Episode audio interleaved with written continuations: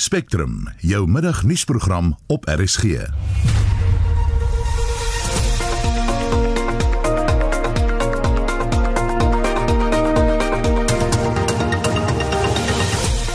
Goeiemiddag. In ons program, die vakbond CWU begin môre met 'n staking oor afleggings by die SAIK. Wetenskaplikes sê daar is geen aanduiding dat die nuwe variant van COVID-19 'n ernstiger infeksie veroorsaak nie. This virus is spreading about 50% faster. In CropLife South Africa sê boere moet op die uitkyk wees vir die herfskomandowurm. Die redakteur, Jean Esterhuizen, produksieregisseur Evert Snyman, ek is Marieta Kreer. Welkom by Spectrum. Die nuwe 501Y.V2 variant van COVID-19 se simptome is nie erger as die eerste een nie, maar dis wel 50% meer aansteeklik. Dis die mening van die wetenskaplikes wat aan 'n virtuele paneelbespreking deelgeneem het. Teen gister is meer as 9000 nuwe infeksies aangemeld, wat die aantal Suid-Afrikaanse infeksies tot meer as 1 miljoen 346 000 gevalle bring. Annelie Jansen van Vuren berig. Die voorsitter van die interministeriële advieskomitee oor COVID-19, professor Salim Abdul Karim, sê die vermoë van die nuwe mutasie om aan menslike weefsel te verbind is baie sterker. En volgens hom is nog mutasies onvermydelik. This virus is spreading about 50% faster. And so our second wave is faster than our first wave and The current data suggests the new variant is not more severe. Volgens die minister van gesondheid, Dr. Zwelim Kize, plaas die nuwe variant baie druk op ons land se gesondheidstelsel. A strain with hospitalization continued to trend upwards, showing an 18.3% increase on the 16th of January to 7 days prior. As 16th of January, nearly 18,000 patients were admitted with 2,472 in ICU, 1,117 on ventilators, 5,850 requiring oxygen. Suid-Afrika het reeds meer as 37449 COVID-19 sterftes gehad. 'n Openbare gesondheidsspesialis by die Wes-Kaapse Gesondheidsdepartement, professor Mary Ann Davies, sê hoe groter die druk waaronder hospitale geplaas word, hoe meer neem die sterftes toe. In both waves, about 70 to 80% of people who are admitted have comorbidities, and uh, nearly 90% of those deceased have comorbidities. We've also seen no difference in the age pattern of admitted and deceased patients. There is no difference in the risk of death between the upsurge of wave 1 and the upsurge of wave 2. Both in wave 1 and wave 2, when our hospitals were under severe admission pressure, the risk of death does increase. Die Nasionale Instituut van Oordraagbare Siektes se dokter Wasila Yassat het 'n studie oor die hospitaalopnames tydens die eerste en tweede vlaag van die virus onderneem. Dit het hospitale uit Kaapstad, Nelson Mandela Bay Metro en die eThekwini Metro ingesluit. Yassat het hul bevindinge oor die studie gedeel. In weeks with very high levels of admissions, there was increased risk for mortality. 40% higher in Nelson Mandela Metro, 60% higher in eThekwini, and 80% higher in City of Cape Town. There did not appear to be any consistent difference in age between the first and second wave. So it does not seem to be that more young people have been admitted or died in the second wave. Baie Suid-Afrikaners wonder nou of die entstof steeds doeltreffend teen die tweede vlaag sal wees. 'n enstofkenner by die Afrika Gesondheidsinstituut, professor Willem Hannekom, stem saam met Abdul Karim dat dit die enigste oplossing is. Vaccines, like we see with the Pfizer and the Moderna vaccines at 95% efficacy, are amongst the most effective vaccines that we have for any disease. And they achieve a critically important goal, which is they reduce clinical illness and hospitalization. If I could get the vaccine today, I would take the vaccine today. 'n Viroloog, professor Alex Siegel, sê die wêreld het vir te lank die virus onderskat. En nou wys navorsing dat die tweede variant teenliggame wat uit die eerste virus gemaak is, ontwyk. Die verslag van Minoshni Pillay en ek is Anne Marie Jansen van Vieren vir SAK nuus. En ons bly by die onderwerp van COVID. Ons praat nou met 'n kenner by Stellenbosch Universiteit se Infeksiesiektes Sentrum, Dr. Jantjie Taljaard. Goeiemôre Jantjie. Hallo, goeiemôre en dankie vir die geleentheid. Ons het nou net gehoor dat verskeie studies nou al oor die tweede vlaag, oftewel die nuwe mutasie van COVID-19 gedoen is. Hoeveel weet ons werklik van hierdie 501Y.42 variant? Kyk ons ons weet dat dit eh, dit normaal is vir virusse om om nuwe variante te vorm oor tyd. Dit is belangrik om te weet dat dit bly dieselfde virus en, en dit lyk miskien 'n bietjie anders.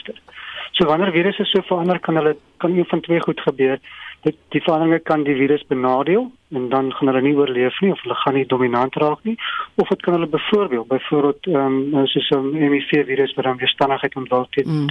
teen medikasie of hulle kan meer aansteeklik raak.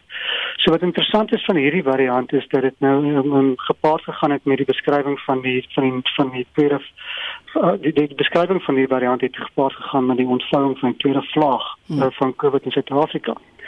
En wat ons gesien het veral in die, in die in die kusgebiede is dat hierdie virus het die dominante virus geword. Hy het die oorspronklike virus heeltemal verplaas en dan dit beteken dat die veranderinge wat plaasgevind het die virus se verspreiding bevoordeel het. Ehm en daarom dan nou die aanname dat dit meer aansteeklik is.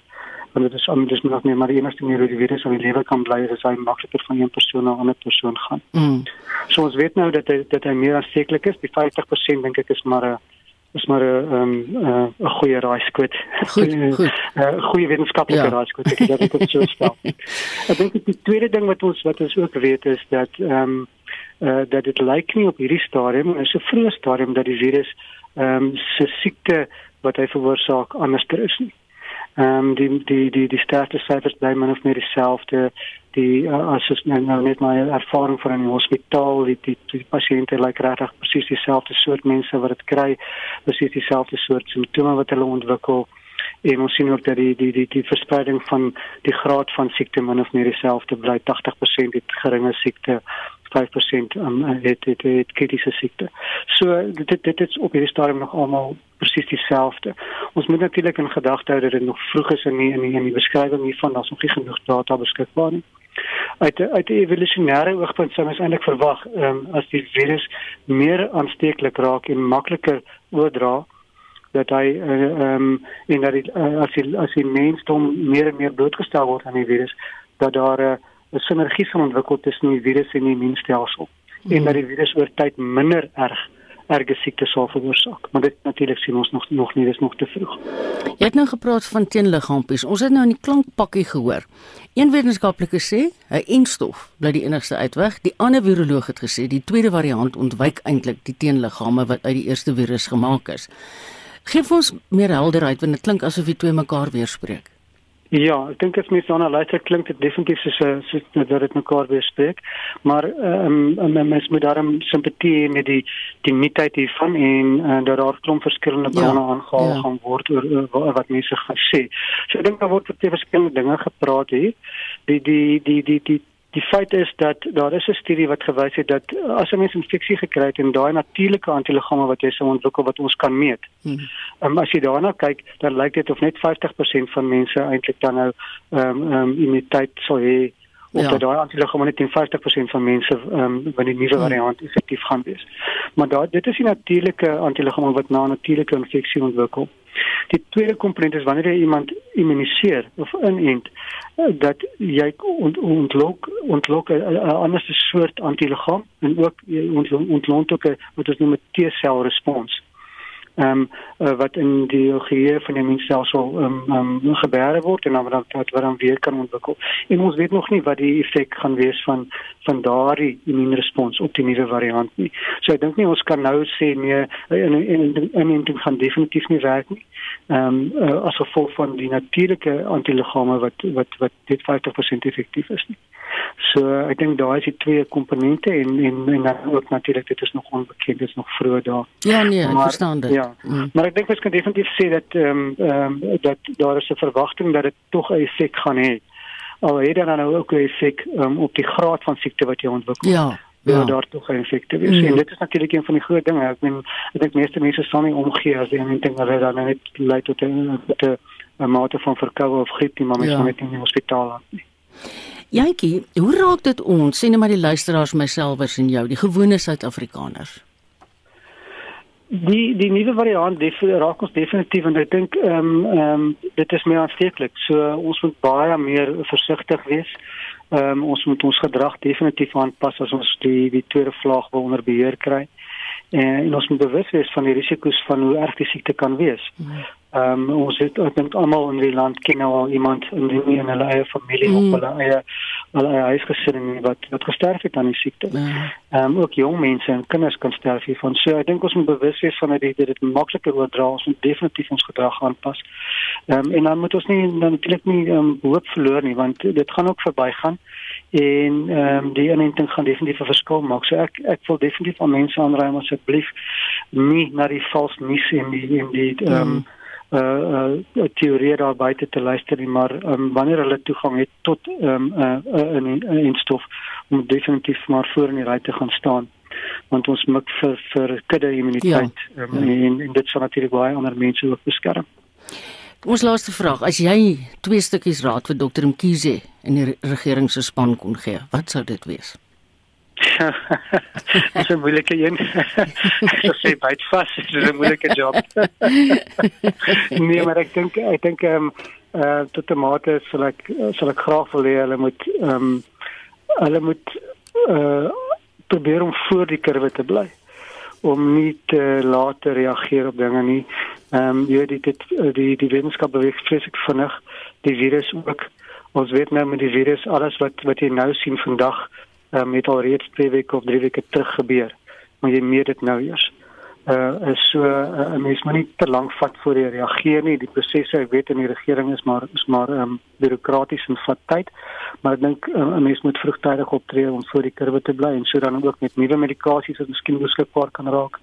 Ons moet vroegtydig um en die Suid-Afrikaans die land moet vroegtydig hulle hulle hand opsteek vir nuwe medikasie en dan ook dan natuurlik dieselfde met die met die in, met die instowwe. Ons gaan dit weer kry. Ek weet RSG praat in hierdie tye vreeslik baie met jou, maar dankie dat jy altyd vir ons tyd maak. Ek waardeer dit. Dis 'n groot plesier. dankie Jantjie. Dis dokter Jantjie Taljaard van Stellenbosch Universiteit se sentrum vir infeksiesiektes verbonde aan die Tygerberg Hospitaal. 'n Noodgebeurlikheidsplan is by die nuwe Nekkertaaldam in die suide van Namibië gereed vir die veiligheid van gemeenskappe stroom af. Inge ingeval daar iets gebeur en die dam veroorsaak 'n vloed. Ons medewerker Frikkie Wallis sê die dam wat gister op amper 80% gestaan het, het intussen nog water bygekry. Die dam was ruk gelede byna vol en voorsiening word in die noodplan gemaak vir wanneer groot massas water begin om in die oorloop te stort wat dan gevaar van oorstromings van mense stroom of inhou. Die dam het nie vloedsluise nie wat beteken dat die oorloop nie beheer kan word nie en dat die massawater dan in die visrivier sal inloop na die Oranje rivier. Van hoeveel water word met die oorloop gepraat? Volgens Namewater se verslag vanoggend sal dit sowat 1100 kubieke meter water per sekonde wees. En met die laaste vaststelling van die invloei in die dam het water teen meer as 4 miljoen kubieke meter per sekonde die dam binne gestroom wat die inhoud vanoggend op meer as 95% gestel het. Uh, die dam kort nog net 84 miljoen kubieke meter om sy volkapasiteit van 857 miljard liter te bereik. En waar kom die water vandaan?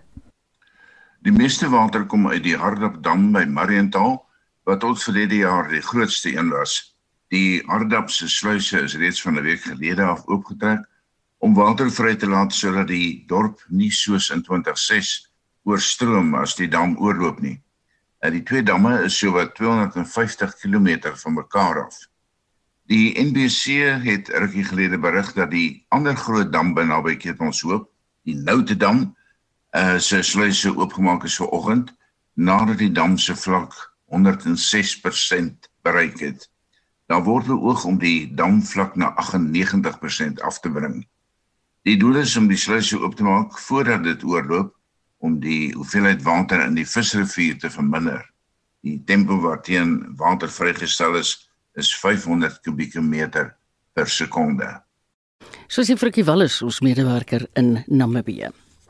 Ons bly so half by die aarde en sulke dinge en ons bly by Anne Marie. Boere moet op die uitkyk wees vir die herfskomando wurm wat baie skade aan hulle sorghum, mielie en suikermielie aanplantings kan aanrig. So waarskyn die rentmeesterskap bestuurder by CropLife South Africa, Dr Gerard Verdoorn. Het vir Anne Marie gesê dat die herfskomando wurm meer van 'n gevaar inhou as die gewone stamrispe. Almal is al bekend met die gewone stronkpoder of die stamrispe wat elke jaar voorkom en wat in 'n groot groot mate deur die GM mielie self beheer word. Met ander woorde, die mielie self skei sy BT geen se toksien af wat die stronkpoder beheer. Maar dan is daar ook ander wurmplae. Onder andere ons het hierdie jaar wat nou net verby is, die laaste maand of twee, 'n geweldige impak gehad van snywurms in mieliegewasse. En dan is daar hierdie gevreesde komandowurmgroep. Daar's die herfskomandowurm wat in 2016 ingekom het, die eerste keer in Afrika en uit Amerika se uit en dan staan die vals komandowurm en die gewone Afrika komandowurm is almal al mee bekend want almal weet hoe lyk hy, almal weet hoe opereer hy. So dis nie 'n probleem om hom te klassifiseer nie want dit kom voor in massiewe uitbrake wat op die grond loop en almal weet daarvan. Die gevaarlike een is die herskomandowurm. Wanneer die motte kom laat in die middag in, lê hulle eitjies bo op die plante se blare en die eierpakkies broei binne 'n paar dae uit en dan gaan daardie herskomandowurm in die plant se kelk in. Hulle kan tot in die kop ingaan. As hy eers in die kop inkom, is dit totale chaos. Nou gelukkig bestaan daar op hierdie stadium 4 van die BT geen mielies wat wel die herskomandowurm ook beheer, maar die probleem lê eintlik daarin vir die kleiner boere wat nie BT mielies plant nie, want die gewone mielies kan nie die herskomandowurm se eie beheer nie. En die grootste probleem rond die herskomandowurm vir daai boere is dat die gewone pyrethroïed plaagdoders en die organofosfate werk nie meer nie want die insek het al klaar weerstand teen die goed ontwikkel. So dit vat 'n heeltemal nuwe denkwyse om hierdie wurm ordentlik te beheer. Wat stel julle voor met boere hieromtrent doen? Wel, dis nie werklik waar 'n groot krisis nie. As ek dink byvoorbeeld in KwaZulu-Natal, het ek 'n kollega daar hier is Ramanand wat vir die departement van landbou werk. Hulle het feromoon lokvalle uit oor die hele provinsie om te kyk na die inval van enige motplaag En die huidige statistieke wys dat daar 'n redelike goeie bevolking van die gewone Boseola of die stamrispe, terwyl die herfskomando se insidensie is nog bitter bitter laag. So boere moet begin met hierdie ding wat ons noem in Engels die scouting of dan Afrikaans die verkenning met ander woorde laatmiddag hierso teen net voor son onder begin in die landerye rondloop of buite omry en kyk vir motte wat in swerms voorkom in die mielies.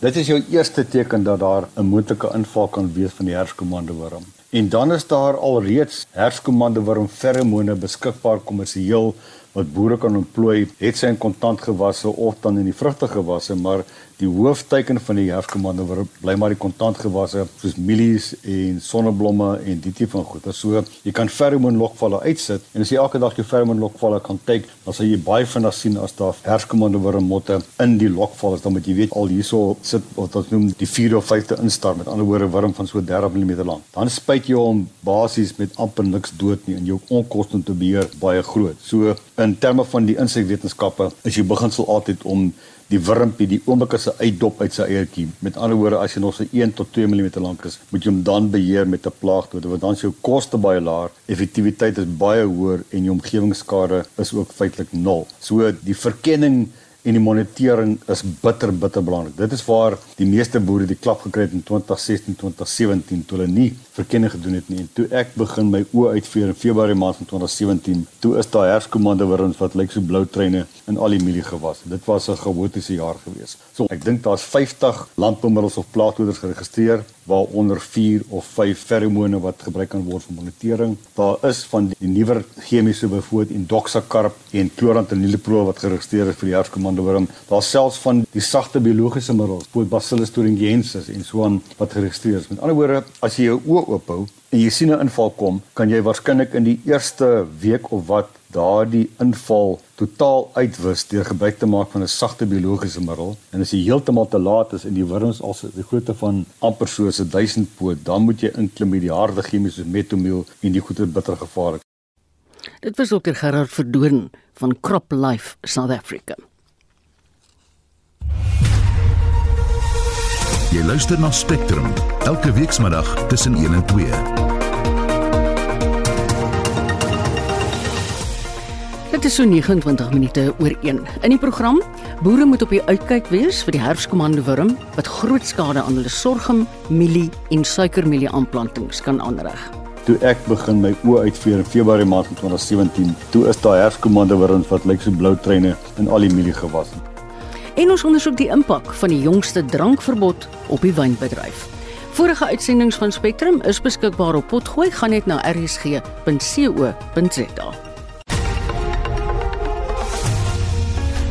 Daar is geen verkeer. Iemand van ons redaksie wat vandag regtig baie hard werk is Anne Marie Jansen van Vuren sy kyk na die verkeer. Hallo Anne Marie. Hallo en dankie Marietta. In Kaapstad staan 'n voertuig stil op die M5 suidwaarts net voor Berkeley weg. Dit blokkeer die noodbaan aan die linkerkant. Die voertuig wat weer vroeër stil gestaan het op die N1 inwaarts by Suidelberg is intussen opgeruim. In Gauteng, Johannesburg, kom vertragings voor op Modderfonteinweg ooswaarts in die rigting van Kempton Park naby die Gautrainbrug. Daar is ook padwerk op die R24 weswaarts by die OR Tambo wisselaar. Die regterbaan is hier gesluit en dan in KwaZulu-Natal kom padwerk voor op die N2 noordwaarts voor die EB Kloete wisselaar. Die linkerbaan is hier heeltemal versper. Dit is van my kant af. Dankie Marietta. Anne-Marie Jansen van Vuren met die jongste verkeer. En van Anne-Marie gaan ons regdeur na Shaun Jooste toe. Hy het vir ons die jongste sportnuus. Ons begin met cricketnuus. India die vierde en laaste toets van hulle reeks in en teen Australië vanoggend met 3 paaltjies gewen en daarmee ook die reeks met 2-1 ingepalm.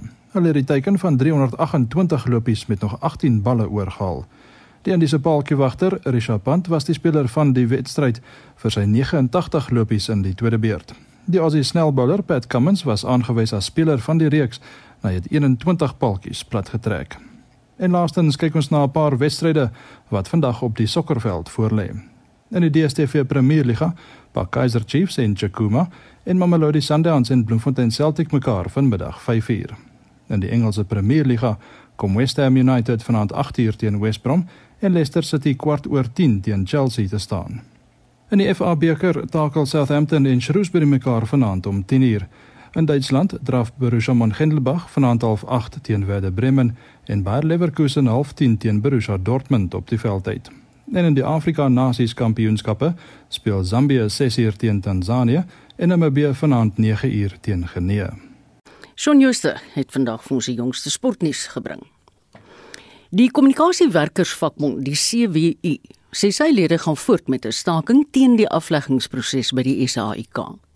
Die vakbond het gereageer op 'n interne brief aan werknemers waarin hulle gewaarsku word dat geen betaling ontvang sal word indien daar gestaak word nie. Die SAIK sê verder vryskutwerkers en kontrakwerkers word nie toegelaat om saam met die permanente werkers te staak nie. CBU se woordvoerder, Aubrey Chabalala, het aan Marlenae Forsie gesê, hulle beskou die SAIK se reaksie as 'n teken van paniek. We need to go all out there and make sure that uh, we stop production, make sure that we participate in the industrial action. And the SAPC cannot tell us who qualifies to be on the strike and who does not qualify to be a strike. Legally, freelancers are protected in terms of the law to participate in a protected industrial action, which is against SAPC. And we are confident that uh, today's salary, because if you protect today's salary, that salary won't be there next month after SAPC have dealt with you. So it's important that we protect the salary, but for a permanent reason, not only for a short term. Soos die woordvoerder van die kommunikasiewerkersvakbond SWU, Aubrey Chabalala. Nou die ander groot vakbond wat werkers van die SAIK verteenwoordig, is uh, die Bemahu en ons het hulle woordvoerder Hannes de Bison nou by ons op die lyn. Goeiemiddag Hannes. Goeiemôre Marieta.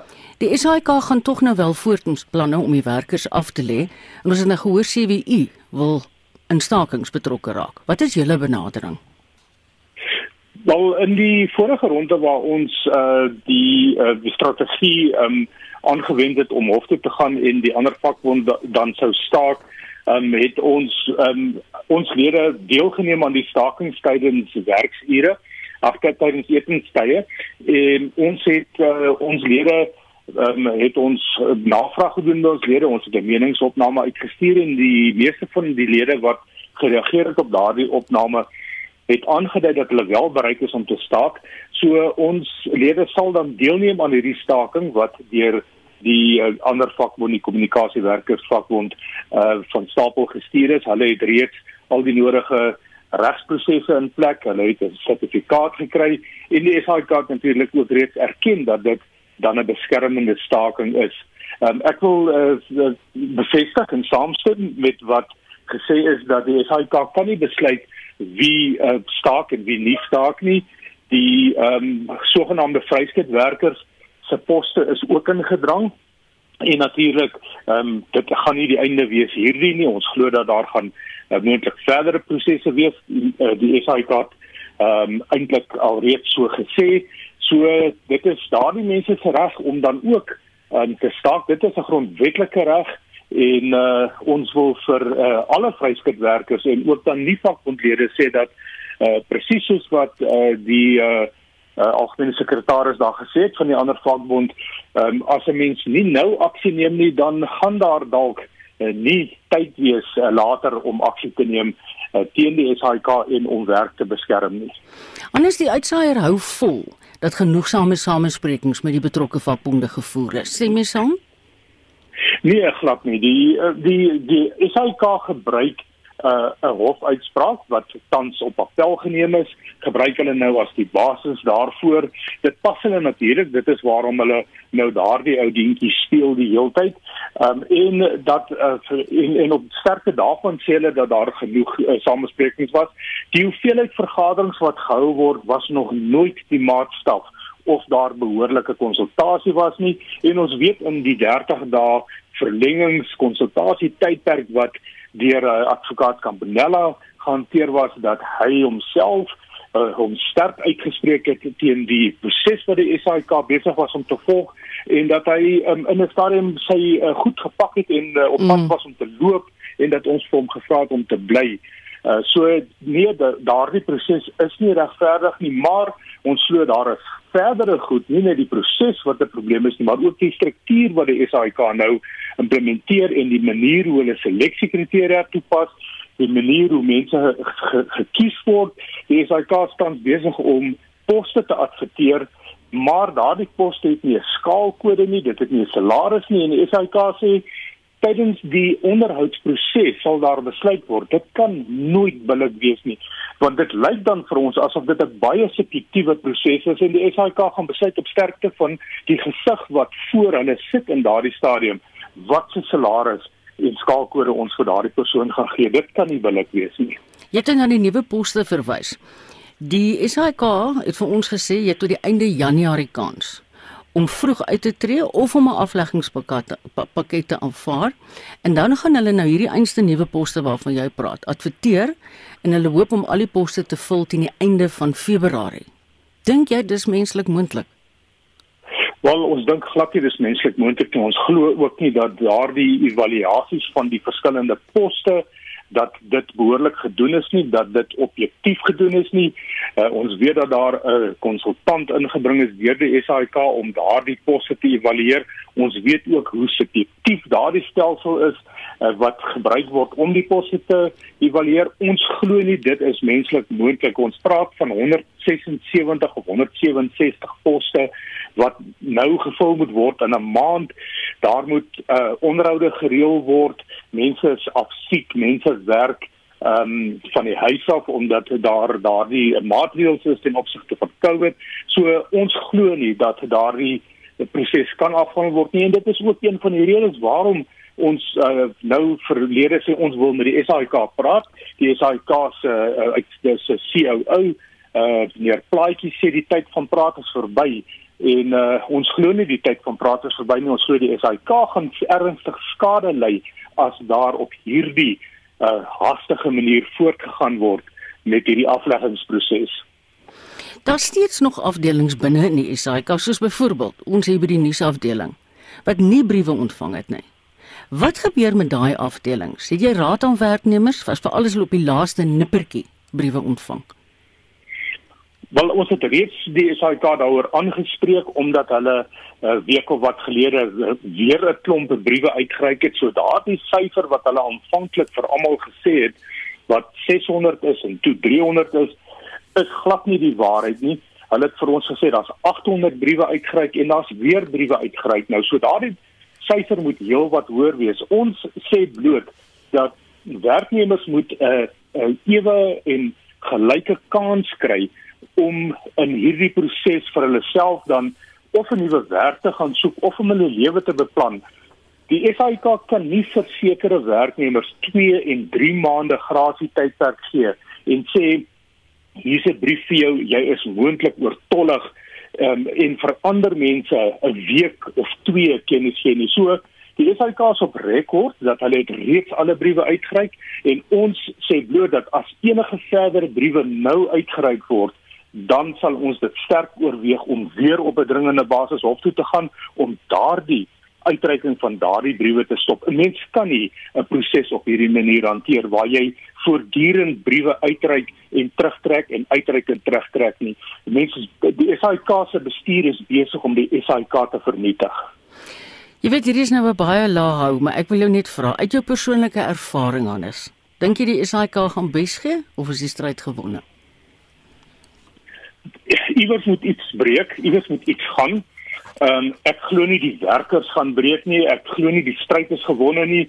Ehm um, ons gaan voortgaan. Ons glo dat daar is onbillikheid in hierdie proses. Ons glo daar is mense wat vir jare by die SAIK gewerk het om 'n pensioen op te bou, om hulle beplan vir hulle um aftrede en al hierdie goed en die SAIK en kom nou op 'n likrake wyse en besluit net om daardie mense se salarisse te gaan hersien en nou skielik moet mense met 'n minder salaris oor die weg kom. Ander mense moet nou maar die pad vat vir iets wat hulle nie skuld aan het nie. Daar is ander maniere hoe oor uh, hier met hierdie ding gedeel kan word en dit is hoekom ons sê en as werknemers ernstig is oor hulle werk, werknemers regtig uh, hele werk wil verloor by die SAIK nie, is dit nou die tyd om hand op te steek en te sê ek gaan deel word van hierdie grondwetlike aksie teen die huidige bestuur van die SAIK wat werknemers behandel het soos wat ons weet hulle behandel is.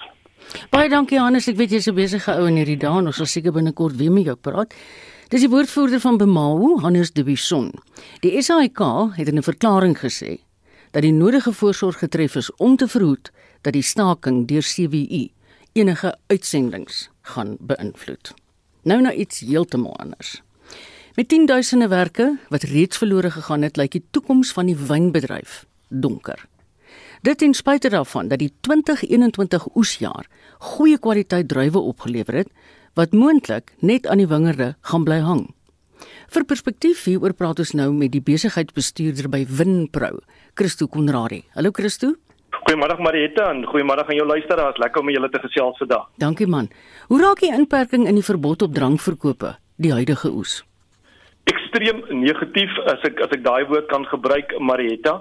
Onthou ons kom nou uit 'n uit 'n 18 weke periode wat ons geen verkope gehad het en net vir konteks sonder dat ons verval in syfers vir jou luisteraars om te weet is omtrent 'n derde van die jaar wat verlore gegaan het oh. om te verkoop.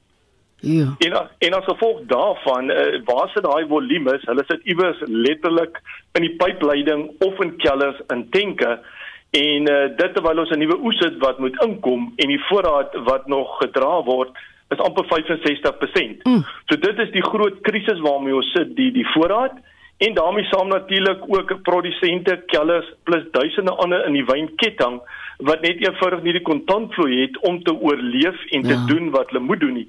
En dit is dis werklik 'n krisis met die oes wat binne die volgende 10 na 14 dae in aanvang gaan neem. Christo, hoe groot is daai surplus wat nou nog in tanks lê?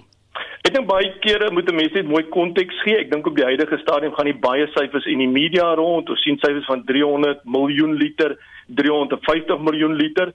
Ek dink wat ons op die stadium net wil sê, daar's altyd 'n komponent voorraad wat enige besigheid moet dra. Mm. So daai voorraad mm. moet ons nie verwar met ook dit wat nou 'n oorskot is nie.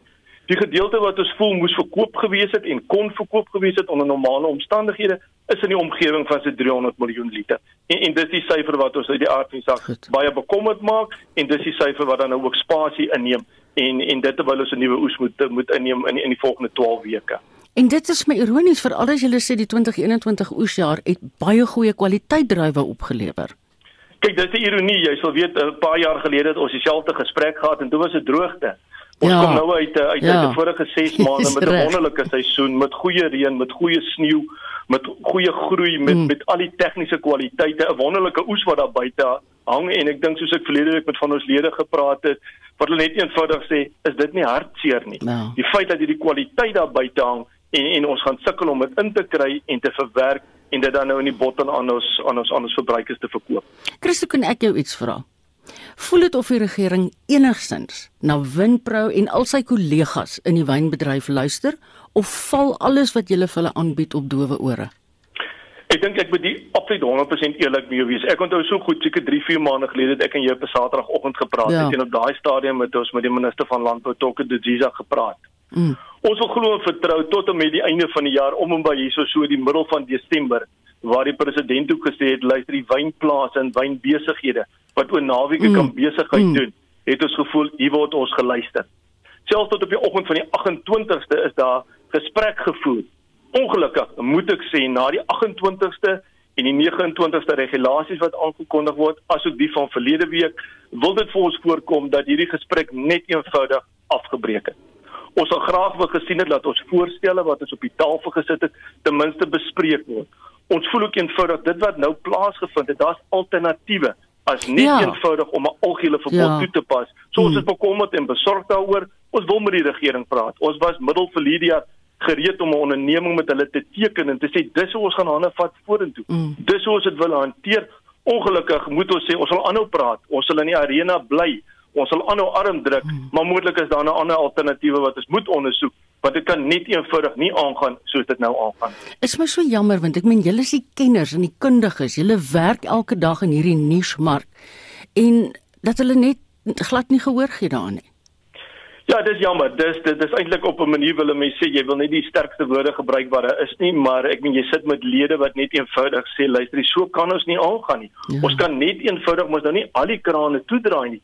Ons is hier op op op 'n level 3 op die oomblik om die Engelse woord te gebruik, maar in wese is ons eintlik op 'n vlak 5. Ja, ons ja, is totaal recht. toe. Mm. Ons is nie eens 'n maandag tot 'n donderdag oop. Ons kan nie eens mm. aanlyn verkope doen nie. En dis juist die dinge wat ons gedink het die regering gee ons daarom hierdie geleentheid mm. om daarom net 'n kraan stadig oop te maak aan die een kant. Ons verstaan eenvoudig 100% van die infeksies in die hospitaalbeddens, maar gee vir ons die geleentheid om besigheid te bly doen, want wat nou gebeur is ons is afweet besig om te wurg en dit gaan vir ja. niks en niemand goed in. Christo baie baie sterkte as dit vir tot enige troos en stigting kan wees. Ons wat hier by die SAIK werk vir alles vryskitte. weet presies hoe jy voel. Ek ek het dit nou geluister met jou vorige onderhoud te dink ek jene daai man moet ek eintlik aan die kant sit hy gebruik presies dieselfde woorde. So baie baie sterkte ook aan julle kant. Ons ons bly vorentoe weer hoor. Ons sê hulle vorentoe ondersteun, ek belowe nou, jou. Dit was dankie Marita. Okay, dis Winpro se wyn besigheidsbestuurder Christo Konradi. Die organisasie vir landelike en plaaswerkersontwikkeling vra dat die kwessie van oningeligte plaaswerkers dringend aandag kry. Die organisasie meen dus vir altydens die pandemie van kardinale belang dat plaaswerkers ingelig is oor hoe hulle moet optree. Volgens die organisasie word ernstige probleme deur die pandemie vererger en moet die regering en georganiseerde landbou aktief betrokke raak by die gemeenskap.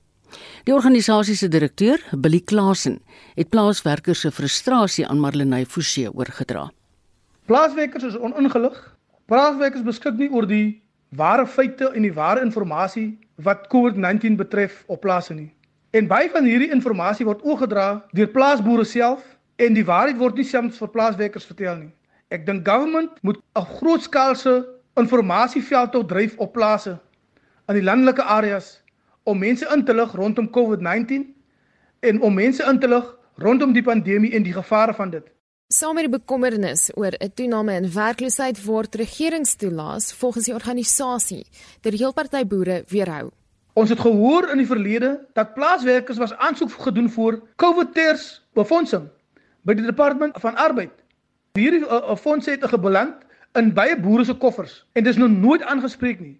Die departement van arbeid is besig met ondersoeke, maar nog geen boere was gearresteer in hierdie geval nie. Baie kere het plaaswerkers nie eens geweet daar was aansoek gedoen vir hulle vir befondsing nie.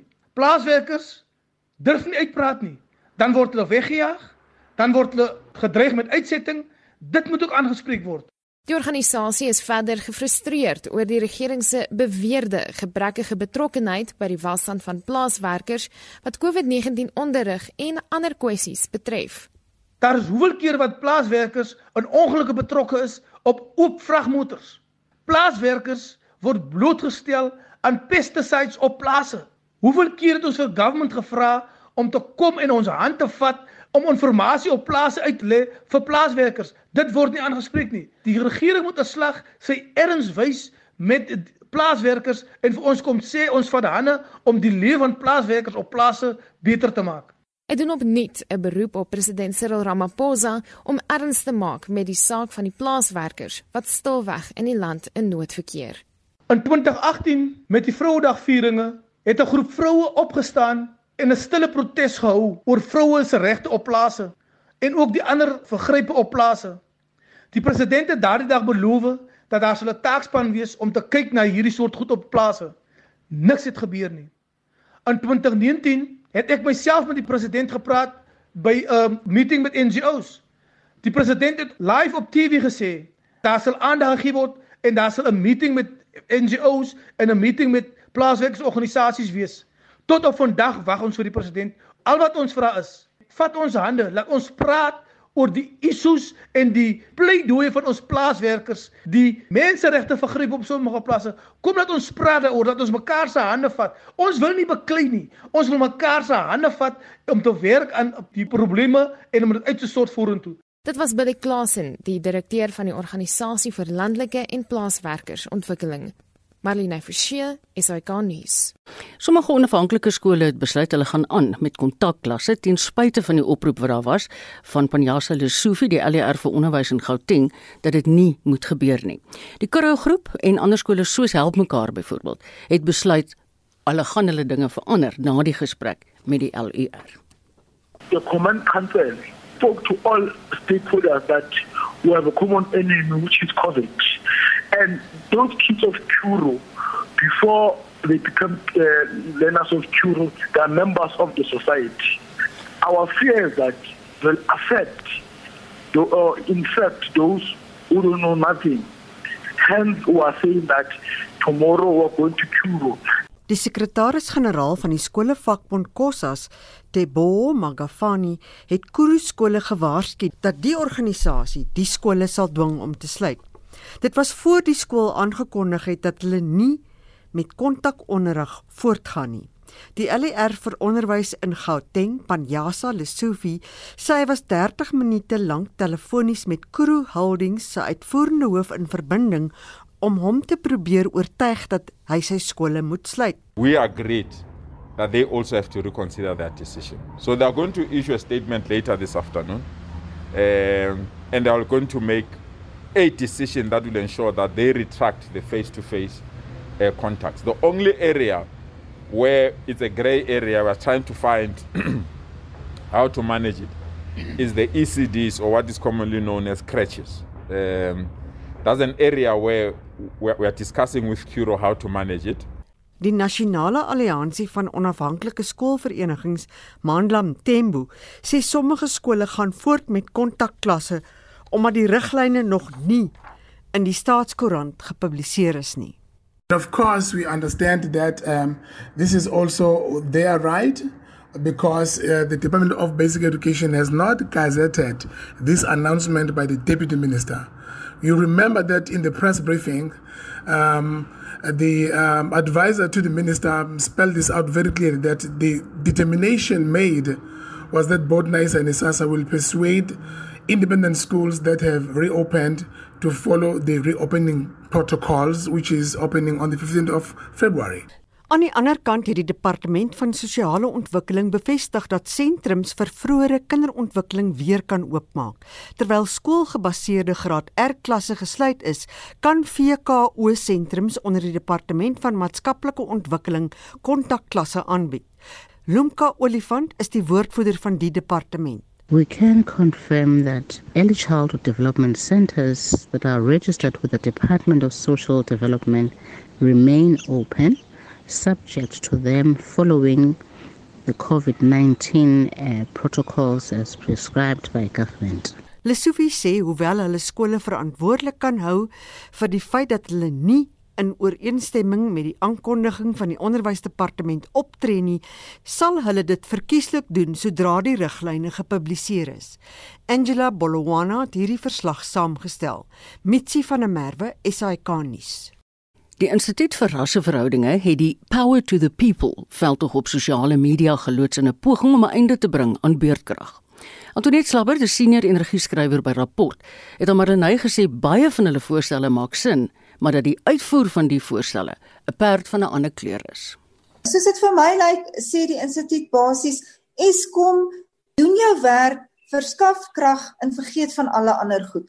Moenie bekommer oor goed soos ras of politieke verbintenisse of so iets nie, doen net julle werk. En daarmee kan niemand fout vind nie.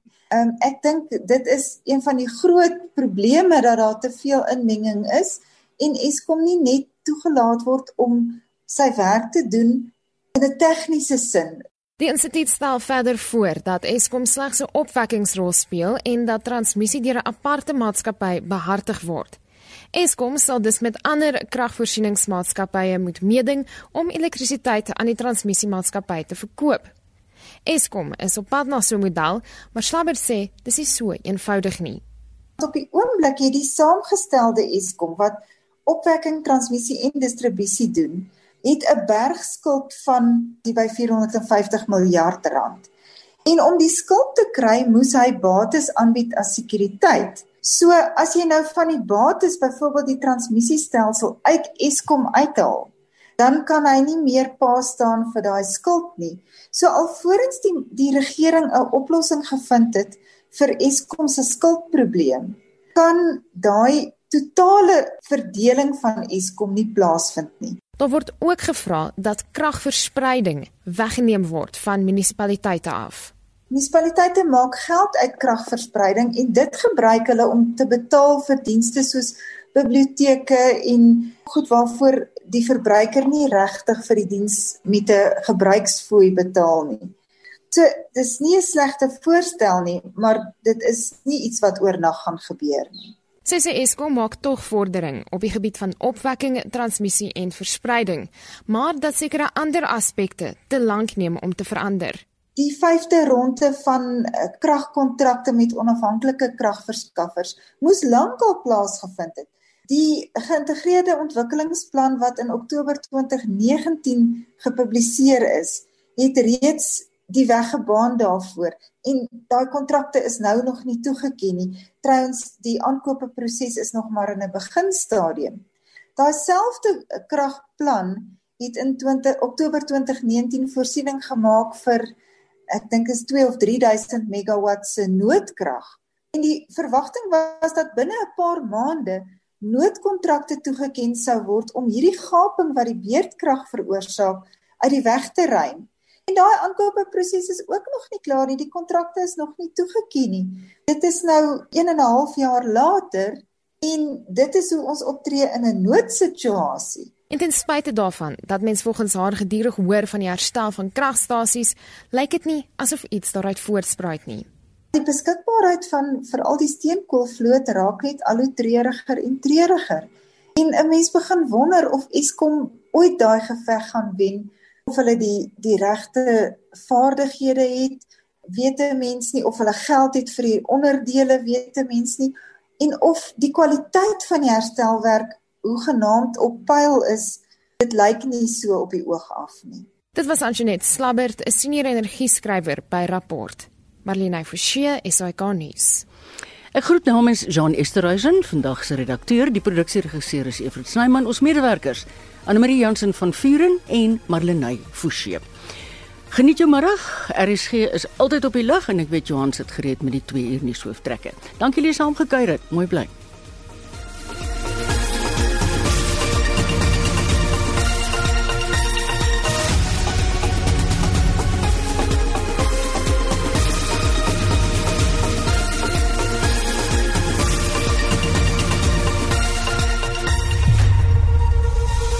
SAK nuus.